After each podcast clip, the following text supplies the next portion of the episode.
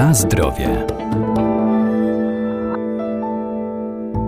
Nawet najdroższa i najlepsza jakościowo żywność nie będzie zdrowa, gdy ją w niewłaściwy sposób przygotujemy. Dotyczy to także potraw grillowanych. Ujemną stroną poddawania produktów spożywczych takiej obróbce termicznej są rakotwórcze substancje powstające w trakcie tego procesu. To także straty masy i witamin.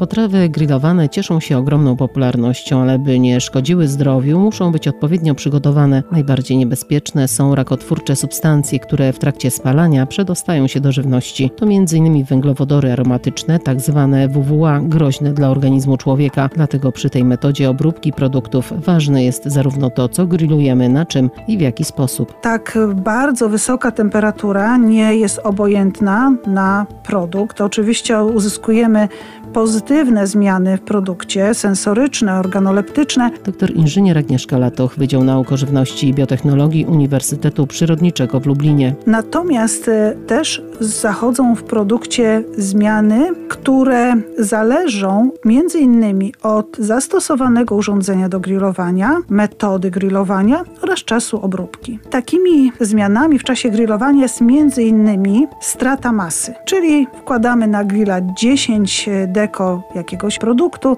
no ściągamy z tego grilla nieco mniejszą ilość, ale jest to spowodowane między innymi stratą tłuszczu, która wynosi od 5 do 20% i zależy to od rodzaju produktu, temperatury początkowej, metody grillowania, czasu trwania obróbki termicznej. Grillowanie nad otwartym ogniem w grillach węglowych na pewno sprzyja wytapianiu tłuszczu, ponieważ wówczas mamy znacznie wyższą temperaturę niż w innych rodzajach grilli. Wytop tłuszczu i parowanie wody oraz wyciek soków komórkowych to są straty masy na poziomie od 19 nawet do 46%.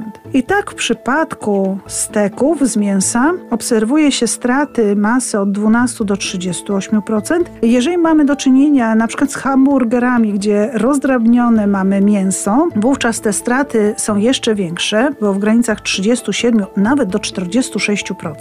Kiedy grillujemy wysokotłuszczowy surowiec taki jak boczek, straty mogą wynieść 30%, a w przypadku karkówki 26 najmniejsze straty mamy w procesie obróbki termicznej na grillu drobiu, bo wynoszą one do 20%. Na zdrowie.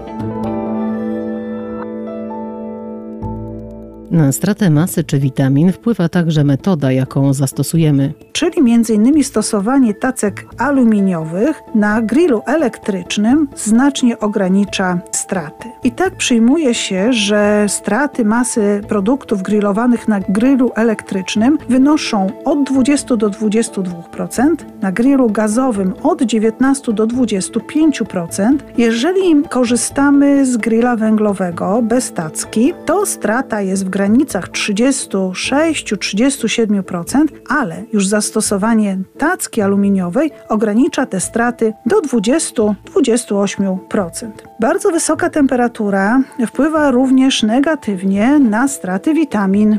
I tak, witaminy A tracimy do 20%, witaminy B nawet do 67%, a witaminy E w granicach 16%. Obserwuje się również straty składników mineralnych, m.in. wapnia około 25%, magnezu 45%, natomiast sodu i fosforu, które można powiedzieć kolokwialnie wyciekają nam razem e, z wodą z mięsa czy też z innych produktów, nawet 50%. Obserwujemy również proces denaturacji białka. Oczywiście jest to proces e, korzystny, ponieważ e, zdecydowanie zwiększa się przyswajalność mięsa, jeżeli białko jest częściowo zdenaturowane. Natomiast jeżeli ten proces denaturacji białka będzie daleko posunięty, wówczas niestety ma to niekorzystny wpływ na strawność tego białka.